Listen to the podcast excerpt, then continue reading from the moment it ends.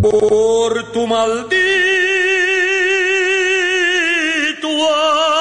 amor. En MP3. No puedo terminar con tantas penas. Trago de amargo licor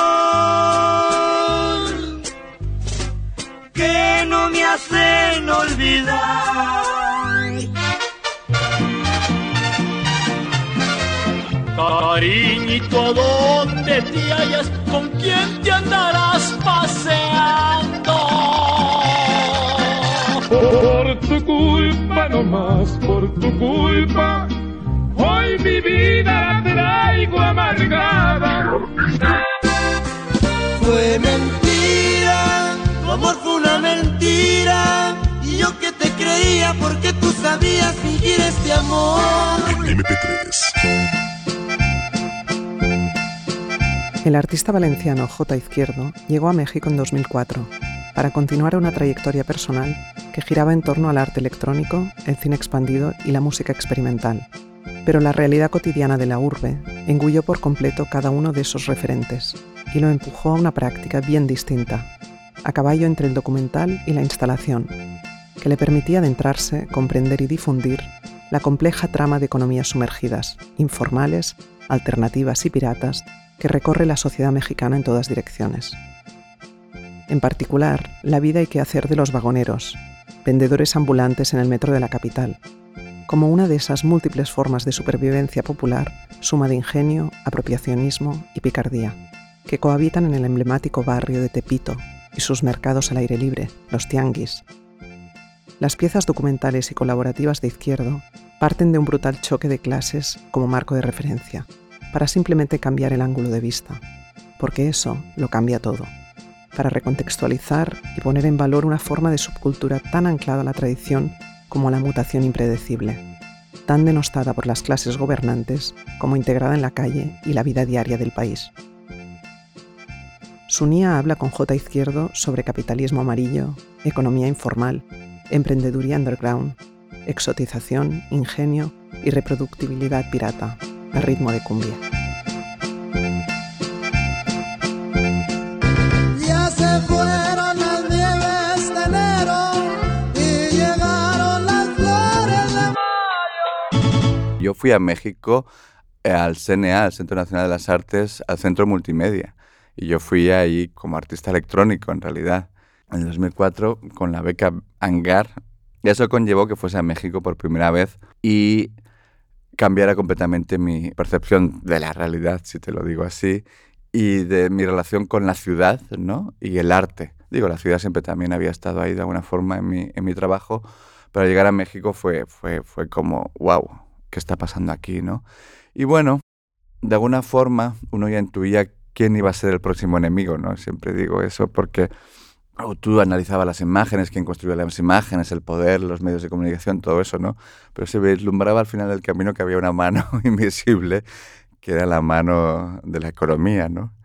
Y en México como que se conectó todo, porque además yo entré ahí también en contacto con toda la escena de arte electrónico, Constantini, Fernando Llaros, bueno, que hacía vídeo, Rogelio Sosa, todo, todo el mundo de arte electrónico.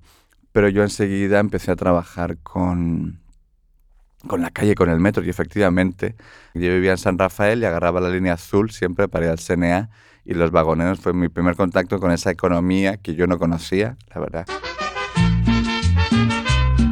Las mochilas bocinas son literalmente esos, ¿no? Son mochilas con autonomía, con batería, que están amplificadas, ese objeto alucinante que servía para oír música a un volumen escandaloso dentro del metro, pero que era una herramienta de venta, ¿no? Ahí como que se unieron las dos vertientes de mi trabajo.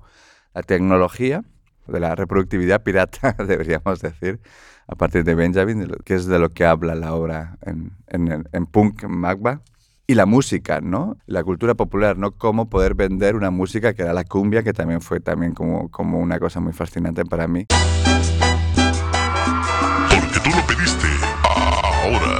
100 éxitos. Mochila bocina es esta mochila, ¿no? Que se ha convertido en, un speaker, una bocina, en un altavoz, que lo utilizaban porque ya está muy perseguido los vagoneros para vender los, los CDs y los DVDs, ¿no? Son mochilas a las que les conectas un CD, un CD pirata que se vende en el metro, ¿no? Este CD además tiene la particularidad de que el primer track es la intro mix.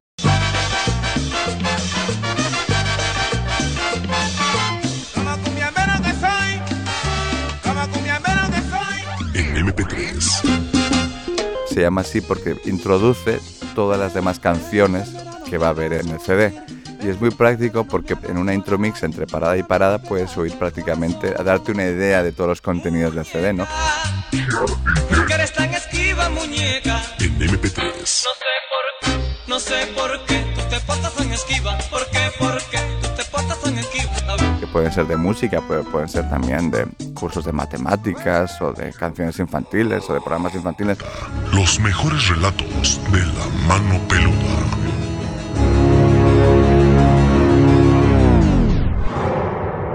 Bueno, déjeme decirle que para Héctor todo comenzó el mismo día de la muerte de su tío. En otro proyecto, pues estuve do- documentando todos los tipos de contenidos que se podían llegar en el- a vender en el metro, ¿no? Dependiendo de las fechas, si es Navidad, si es el Día de la Independencia, si es el aniversario del, del temblor del 85 o si es la celebración de- del aniversario de la- del levantamiento estudiantil en Tlatelolco, pues esos contenidos se reintroducen cada año, ¿no? En la cotidianidad mexicana. Entonces, pues es un proceso como de recorrer la historia de México cada año dentro del metro, ¿no? Hay como un aprendizaje informal a través de, todos, de estos contenidos que se piratean en Tepito y que luego se reproducen y se revenden en el metro. En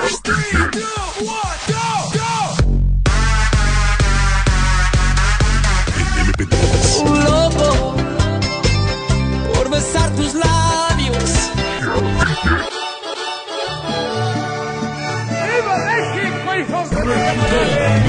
¡Viva MP3. Hermoso cabello tiene. En México existe esta figura del ingenio mexicano, ¿no? Cuando no podemos resolver una cosa que, por ejemplo, en Cuba, evidentemente son los grandes expertos globales, cuando hay dificultades, cuando no hay acceso a, a ciertos productos, cuando no hay acceso a ciertas culturas, pues el ingeniero mexicano, no la ingeniera, accede a ellos por caminos evidentemente que no son los habituales, que no son los comerciales y que son los del reciclaje a lo mejor o los de la piratería, ¿no? Que también es un concepto que podemos volver a, a resituar, que es lo que hace mi trabajo, ¿no? Efectivamente no tiene nada que ver el concepto de piratería en lo que viene siendo en el norte del hemisferio, ¿no? Con lo que viene en el sur. Es mucho más interesante los procesos piratas y de reproducción que se dan en las consecuencias y los porqués, evidentemente, que se dan en China, India, Brasil o México, que en el norte, ¿no? Que son otros tipos de condiciones y que, y que conllevan otro tipo de situaciones. Les damos las gracias a todos nuestros clientes por otro año más de su preferencia. Seguiremos haciendo los discos que a ti te gustan. Si supieras, chaparrita, cuánto te amo. En MP3. de las primeras personas con las que trabajé fue efectivamente con Abel Carranza, que es, si no el mejor, uno de los mejores constructores de mochilas bocina del metro de la ciudad. Con él hice las primeras piezas, o piezas o colaboraciones, ¿no? Que venían a partir de estas mochilas, ¿no? Que él hace completamente informal en su casa. Él viene de una tradición del sonidero, que el sonidero es este- es- son estas sound system mexicanas que sirven para, para reunir a la gente en la calle a bailar pero que están más, más ligadas a música tropical, ¿no? como la cumbia o la salsa. Son personas que se han dedicado a trabajar toda su vida, que no han tenido demasiado tiempo para educarse, entonces siempre han tenido que trabajar para colaborar en la economía de la familia. Y entonces son aprendizajes informales, ¿no? Cómo aprenden a conectar los cables, cómo reciclan los materiales y a partir de ahí van construyendo eh, las mochilas, ¿no? La, la de categoría 1, que es la que está en el museo, pero ahora ya está haciendo diablos bocina. Los diablos en México, los mercados son las carretillas que sirven para transportar las mercancías, ¿no? Como tienen las asas hacia afuera, pues se llaman diablos. Pues ahora está haciendo unos diablos con seis bocinas, con consolas para mezclar, con baterías de coche con autonomía para 12 horas, ¿no? y que le ha permitido a, Abel ¿no? pues salir del metro, porque Abel fue intuitivo y vio que habría una represión por parte de las autoridades acerca de la venta ambulante.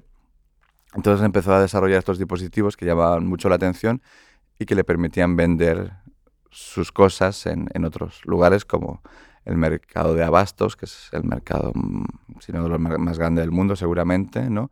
Entonces, a mí utilizaba, también aprendió a hacer estas estrategias de comunicación, ¿no? porque son evidentes en el metro, cómo vender con la intro mix, pero también de llamar la atención, ¿no? Y por ejemplo, él se ha dedicado, ahora últimamente, se dedicó a alquilar esos diablos sound system, ¿no? Bocina. Entonces tenía cuatro o cinco los alquilaba para fiestas, ¿no? También en, en, conocidos en el barrio. Desarrolló una economía a partir de la tecnología y de la reproductibilidad, que ahí están más o menos los tres componentes de, conceptuales que dirigen mi trabajo, que se concentran en, por ejemplo, en Abel, en otros casos de estudio, evidentemente, ¿no? Estos procesos para mí son súper interesantes, ¿no? Porque estamos hablando de estos trasvases de una economía informal, de autogestión, que pueden producir una, una realidad económica, ¿no? Por ejemplo, todos estos estudios de Tepito, pues como Shark DJ o Bola 8 o Surfing, que creo que ya no existe, más Music, en realidad son familias con torres quemadoras y una compu. Digo, luego los laboratorios han ido complejizando, pero el 80% son familias que sobreviven así y que vienen de una tradición de economía informal, ¿no? Antes de venir aquí hablaba con Shark DJ, bueno, con Lobo Producciones, que es uno de los estudios más importantes de Tepito, y me contaba cómo su papá tenía una fábrica de, de ropa. Fabricaban ropa en el barrio, que es una tradición de mucho tiempo. Fue, fue siempre un barrio muy autónomo que fabricaba ropa, que fabricaba zapatos. Y claro, luego llegan los 80, ¿no? Con el TLC, el Tratado de Libre Comercio con Estados Unidos, y cambia completamente la economía. Los países dejan de producir, China se convierte en la fábrica del mundo. No fue el caso mexicano, porque, porque México estuvo mucho, mucho más tiempo cerrado, pero sí que se empezó con una maquila en el norte del país que fue prácticamente provocada por el TLC, ¿no? Y, y, eso conlleva desplazamientos de población, otro tipo de economía, otro tipo de problemáticas. Entonces, pues Tepito se tiene que adaptar, ¿no? Eso es muy interesante porque, pues eso, aparece la tecnología, aparece la reproductibilidad técnica, ¿no? El cassette, el que tiene una buena idea, se la replican como al segundo uno, ¿no? Siempre se ha vendido música en Tepito, ¿no? Pero cuando ya no se vende lo que tú produces, la fábrica, que podríamos llamarlo pues una forma de, producción clásica, ¿no? Si tu vecino está vendiendo cassettes pirata, dices, güey, pues voy a intentarlo yo, ¿no? Es, es tan, tan, tan sencillo como eso. Y si funciona, pues sigues. Y si luego aparece el CD, pues ya entras en una tecnología que te permite la reproductibilidad elevada a N, ¿no? Hugo, distribuidor autorizado.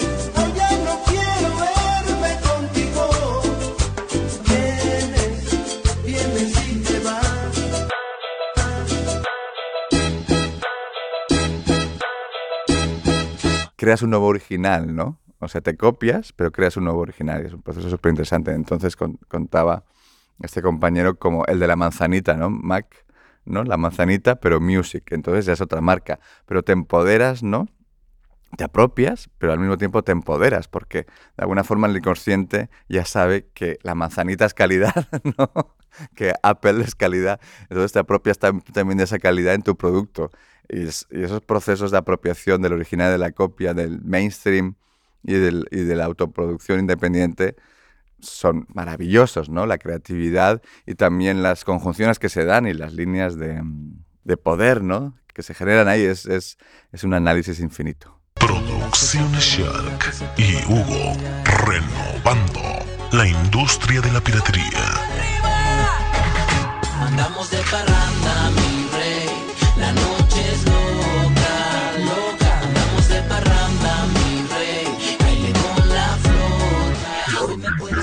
Todo el proceso de introducción al metro también fue una aventura, porque yo no venía del documental ni venía de, de la entrevista, y entonces entras en contacto con una realidad que te sobrepasa por muchos lados y que tú tienes que aprender a, a interactuar con ella, ¿no? Yendo en el metro me fijé en, el- los, en los vagoneros, ¿no? Y en estas mochilas bocinas fascinantes y, y dije, bueno, pues voy a tratar de entrar en contacto con ellos, ¿no? Pero claro, es una estructura muy compleja porque es una estructura de economía informal que México tiene una tradición enorme, pero que también tiene una tradición de territorial, son territorios, ¿no? Son territorios explotados literalmente por asociaciones, ¿no? Por cooperativas informales también que tienen un líder, ¿no? Y que tienen unos seguidores, entonces es una economía muy fuerte y es un territorio que está eh, cooptado, cerrado y en el que tú no tienes acceso, ¿no? Y entonces recuerdo que me conectó otro artista, Mauricio Limón, y me dijo, tú pregunta por el bizco, ¿no? Que era el, nombre, uno de los nombres del patrón. El patrón también es otro de los nombres del patrón que luego nos hemos hecho muy cuates, y la verdad. Pero llegué allí y yo andaba preguntando por el patrón y claro, la gente decía, ¿quién es este güey? No, no me conocen de nada. Y de casualidad alguien me conectó y llegué. Hola, estoy buscando el bizco merolico. Me, me manda Mauricio Limón, alias el Panocha. Ah, sí, sí, sí, sí. Ya con el Panocha me ubicaron. ¿Y qué tal? ¿Qué onda? No, pues un artista que viene de España. Ah, de España. Ya, ya, ya, ya como este artista, ¿no? Que le acaban de dar un Oscar y tal. Y yo, sí, no sé, Pedro Almodóvar. no, no, no, me refiero más a, Penélope, Penélope Cruz. Mm, creo que te vamos a llamar Penélope. o sea, en el día uno ya me bautizaron en el Metro de México en la línea azul como Penélope. Y ya fui, pues bueno, el chanza, chanza de todos. Y bueno, hace tiempo que ya no, pero o sea, de estar en el metro y gritar Penélope. y todo el metro girarse, ¿no?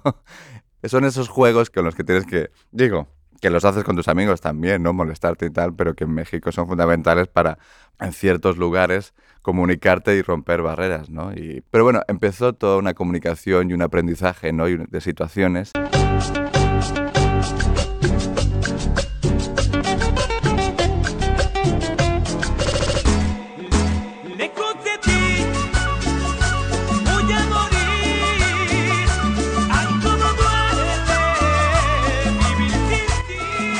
La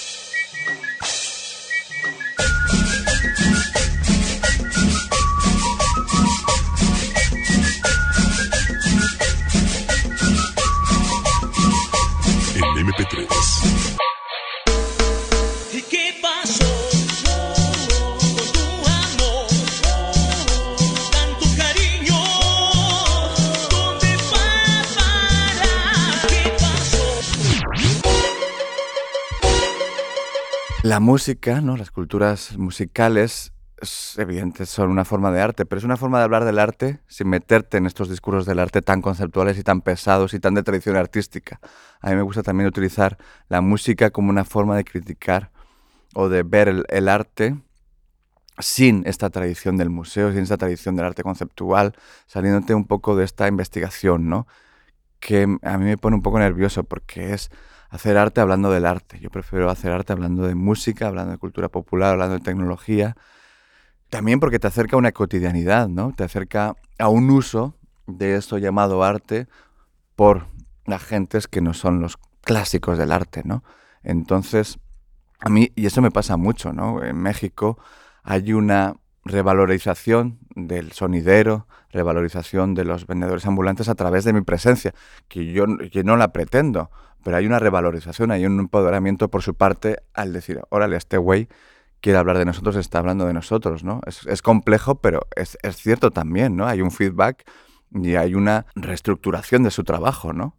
Y hay, hay momentos muy extraños también, ¿no? Por ejemplo, cuando puse en el MUAC la primera vez, tuve dinero para producción. Entonces yo les pagué porque participaban en mi producción, ¿no? Puta, se me armó un pedo tremendo porque, claro, ya era otro proceso. ¿no? Si ellos cobraban por hacer lo que hacían habitualmente, ¿qué era eso? ¿Era arte para ellos? Pero para ellos no era más que una posibilidad económica. Y la competencia es tan atroz que de repente me, aparecían voluntarios para hablarme de sus historias porque sabían que yo estaba pagando. Pero yo no estaba pagando por la historia, sino estaba pagando porque estabas dentro de la estructura de producción de una obra de arte y había un presupuesto, ¿no? Pero esto es muy difícil de comunicar para gente que no ha tenido ningún tipo de tradición, ni ningún tipo de, comunicación con esas situaciones. Entonces todo el mundo me quería hablar y contarme sus historias que podían ser verdaderas o ficticias, ¿no? Porque claro, también cuando estás en el plano documental, de las cuestiones de si estás contando algún proyecto de verdad o no. Es muy complejo, pero se mezclan todos estos tipos de situaciones y tienes que mm, evaluarlas, reanalizarlas y lo haces de forma intuitiva. Mi aprendizaje ha sido brutal también He tenido la suerte de estar en lugares en, en- en México, en Tepito, que la mayoría de mis, de mis amigos, de, de mi gente allí, no los conoce, ¿no? Y eso también te hace reevaluar la distancia enorme que hay entre las clases populares y la élite mexicana y la élite del arte. Es un desmadre total, la falta de comunicación, la falta de conocimiento y las tensiones que produce esas distancias, ¿no? Desde un lado y desde el otro, porque cuando, como dicen los vagoneros, ha sido la chusma, ¿no? Lo más bajo, pues hombre, eh, se alimenta el esquemor pues de una forma natural, ¿no? Y por otro lado hay un clasismo, ¿no? Todo esta, de calificar toda esta clase popular de naca, que es un adjetivo peyorativo tremendo, ¿no? Cuando hay una creatividad, hay un empoderamiento. Un día estaba hablando con los coleccionistas y digo, no, son emprendedores, ¿no? Y se me empezaron a reír y digo, güey, son emprendedores. Mi trabajo a veces intento que sirva como para simplemente cambiar el ángulo de vista, porque eso lo cambia todo, ¿no? Porque realmente hay unos prejuicios de clase tremendos y es una sociedad que se ha construido así, es muy complejo. Yo tengo la, la suerte de poder habitar estas situaciones, ¿no? Y mi misión no es interceder, ¿no? Sino cómo, cómo voy cruzando estos caminos y poner en conocimiento a los lados, ¿no? Hugo, distribuidor autorizado. Producciones Shark 2014. Simplemente los más chingones en MP3. Ven tú y alárgame la vida.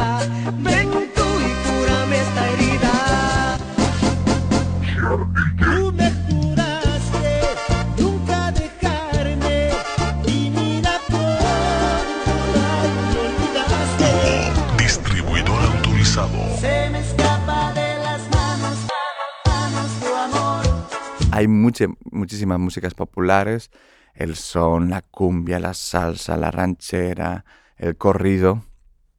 Estas músicas populares siempre se han autoproducido y autodistribuido, porque el mainstream no se ha ocupado de ellas, ¿no? Hasta en momentos más recientes, ¿no? Porque evidentemente las élites mexicanas se preocupaban por contenidos europeos y norteamericanos, ¿no? En todos estos procesos de que vienen de Colombia, que vienen de Cuba, necesitaron de la piratería, entre comillas, para promocionarse y, y reproducirse, ¿no?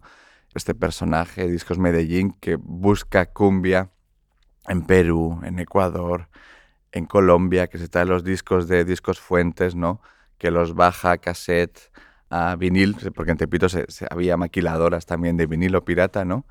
Que luego esto pasa a los sonideros que la tocan en directo, que el sonidero desde el día uno entiende que la tecnología de reproducción es para él, entonces tocaban en directo, una tocada de un sonidero puede durar 4 o 5 horas, entonces cada hora se va rellenando al principio una cassette, ¿no? Y luego un CD. Entonces está el, el MC de alguna forma, ¿no? Bueno, pues ya está la primera hora de la tocada, ya puedes ir a comprarla, ¿no? Entonces tú puedes llevarte esa tocada a casa, ¿no? Y eso los Pixies decían, no. Los- Me acuerdo cuando los Pixies dijeron, cuando se juntaron, creo, o se vendían el disco del concierto, ¿no? Y todo el mundo, como si los Pixies hubiesen inventado la rueda. Eso se iba haciendo en México desde los 60, desde que, bueno, de los 70, desde que existe la cassette y luego con el CD, ¿no? Es un uso de la tecnología productivo, porque está muy ligado a la economía, pero es un uso tremendamente creativo de, de- de esa tecnología, pero del propio sonidero lo valora solo como una estructura de posibilidad económica.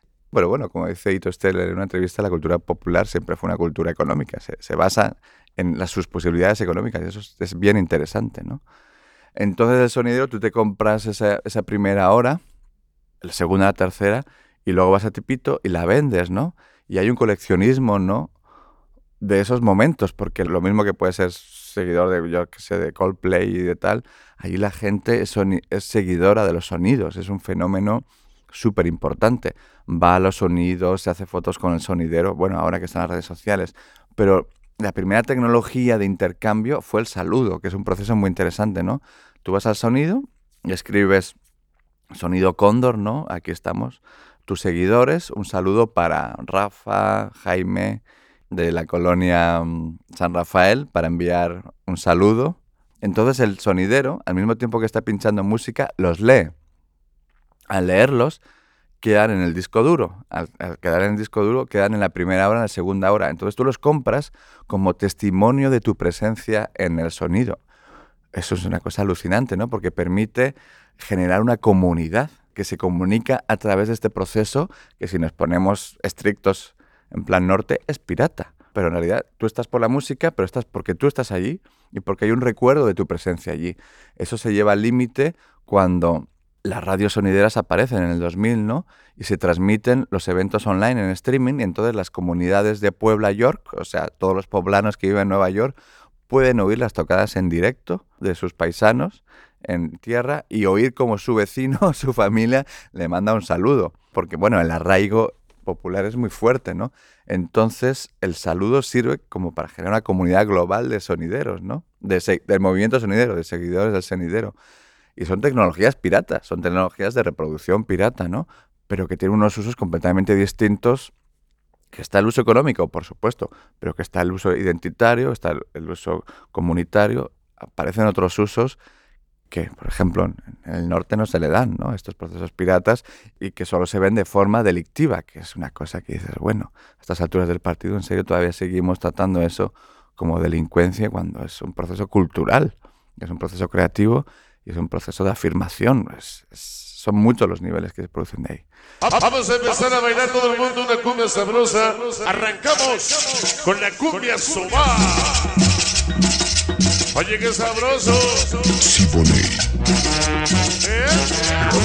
Sabecito, sabecito.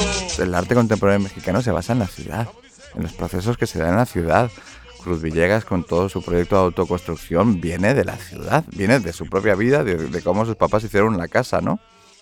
Francis Aris, pues bueno, ya todavía, bueno, se ha, globalizado, pero todos sus trabajos venían de, analizar el, el, centro de la Ciudad de México. Melanie también, Santiago, pues también, ¿no? Y hay una tensión ahí que me he puesto a reflexionar, ¿no? ¿Por qué el arte contemporáneo mexicano es tan valorado globalmente y dentro? ¿Y por qué la cultura popular, que es de dónde viene todo esto, se sigue viendo como naca, como, como vulgar y como poco, poco, ¿no? Eso es una tensión que mi propia condición de artista eh, europeo en México me ha conllevado, me ha obligado prácticamente a reflexionar sobre eso, no te lo puedes saltar, ¿no? Claro, México es un país tan complejo, ¿no? que los artistas quieren salirse de esta tradición de complejidad y pertenecer al, al estilo internacional de arte conceptual. Lo puedes entender. ¿no? Por ejemplo, por eso la obra de Teresa Margolles en la Bienal se llamaba ¿De qué otra cosa podríamos hablar? ¿no? Pero algunos artistas se preguntan ¿por qué tenemos que seguir hablando de estas cosas? Güey, no podemos no seguir hablando de estas cosas. Para mí, porque a mí no me interesa estar en, entrar en un estilo internacional de arte fetichista, de arte de feria, que es completamente auto, autofagocitatorio, o sea, solo sirve para la retroalimentación de la propia estructura y máquina del arte económico, ¿no? Por ejemplo, Cruz Villegas, ¿no? que no es, no es que sea uno de mis artistas favoritos, acaba en la Tate, ¿no? Modern. Es lo máximo que se puede aspirar, ¿no? En esta, en esta competencia invisible del, del quien la tiene más grande en el mundo de arte contemporáneo, ¿no? hace una obra extraña para él, diría yo, y hizo una cosa como muy, muy, muy buenista, ¿no? Pero de repente un crítico inglés decía, bueno, pues se dejó lo exótico. Tuvimos a Jeremy Deller en el MUAC y que hay más exótico que Jeremy Deller, ¿no? O sea, cuando ves su trabajo de tarados ingleses en la, en la campiña haciendo sus cosas locas, pues eso es folclore y exotismo, ¿no? Y de repente esa palabra no se utiliza con Jeremy Deller, sí, que se utiliza con Cruz Villegas, de que, de que estamos hablando, ¿no? Y me parece alucinante que a estas alturas del partido todavía no haya una reflexión seria sobre eso, ¿no? Sobre cómo no hay una exotización, hay un análisis de, de la realidad, hay un análisis de la realidad local y es súper importante. Y además las realidades locales ya no son realidades locales, están completamente conectadas a todo, ¿no? Entonces aquí viene ese término de exotización, de exótico. Cuando exótico es mi hermana, o sea, esta es mi hermana, es exótica, ¿no? Según tú, ¿no? Por ejemplo, las portadas que ahora están en la exposición, pues, o sea, hay mucho narco corrido, hay, hay cosas que sí son muy mexicanas, pero si, si te sales un poco de ahí y entiendes los procesos de piratería como procesos de que producen comunidades, como, como procesos que producen economías, pues te saltas efectivamente ese acercamiento exótico que muchas veces es inevitable, pero en la obra que hace uno puede haber eso, pero también puede haber la ruptura de eso, si no, ¿para qué estamos aquí, no? Hay muchas capas y muchos niveles, ¿no? pero trata de ser una obra que no, no sé si consciente, sí, conscientemente sí, ¿no? Pero no sé si lo consigue romper ciertas estructuras de arte contemporáneo, conceptual, global, que solo sirve para retroalimentarse y que genera un sentido, genera solo un posible sentido. Bueno, el único sentido que genera es el de, el de comprarse en las ferias, ¿no? Y además también es una cuestión con todo este arte político, este arte sociológico, ¿no? Siempre se, se le pide que tenga, que encima que se venda, que salve al mundo y que salve a los niños pobres, ¿no? O sea, es muy complicado. Pero bueno, puedes hacerlo desde, desde procesos de investigación artística, desde, desde acercamientos que no sean generar una obra que se sale de su complejidad y que trata de estar de entrar en una es como una onda, es como un sonido, es como un ruido blanco, ¿no? que produce el arte conceptual contemporáneo. Uf, si estás dentro de ese tono, entras, entras en galerías, entras en, en bienales, pero entras en un tono de sentido que no es productivo para mí, ¿no? En MP3.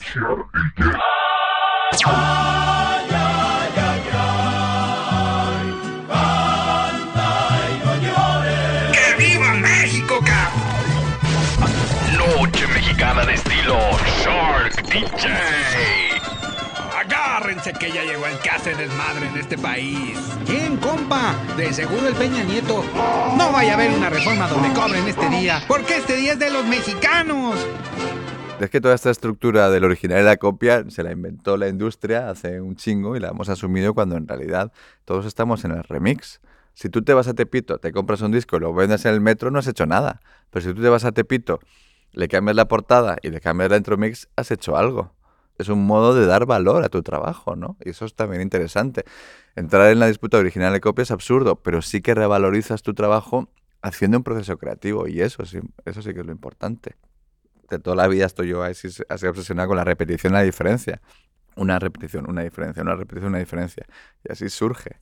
¿No? Pero en realidad sigue siendo el mismo disco, pero con portada distinta y mal fotocopiada, pero con una nueva lectura. Incluso, incluso en, en el Chopo, en el Tianguis del Chopo, se da el caso de que si no pones portada pirata no te lo compran porque entienden que, que no es pirata. Lo pirata es lo testimonial, lo que está ahí, lo que es difícil, lo que es imposible, ¿no? Eso también son valores que adquiere la, la piratería de una forma espontánea y que el consumidor va asumiendo. No, no, no, compa. Eso todavía no pasa. Ya sería mucha mamada. Es Shark DJ haciendo discos en Tepito y donde quiera. ¡Y que viva México, cabrón! Bitches be like, bitches be like. Bitches be like. En MP3. Como me gustan los pescuezos, esos que venden en Tijuana. Como quisiera tener uno para chuparlo en la semana.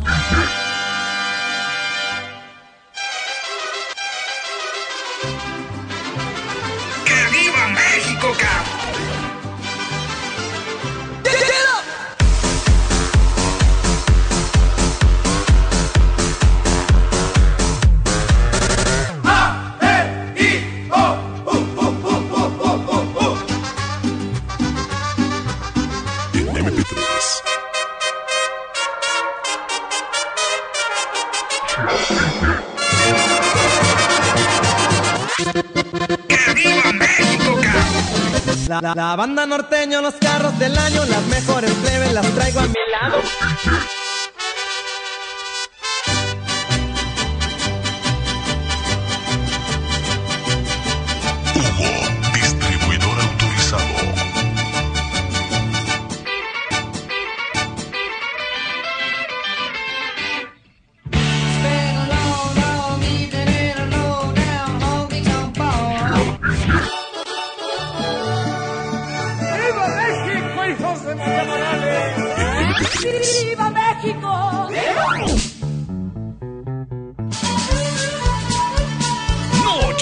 Mexicana de estilo Shark DJ.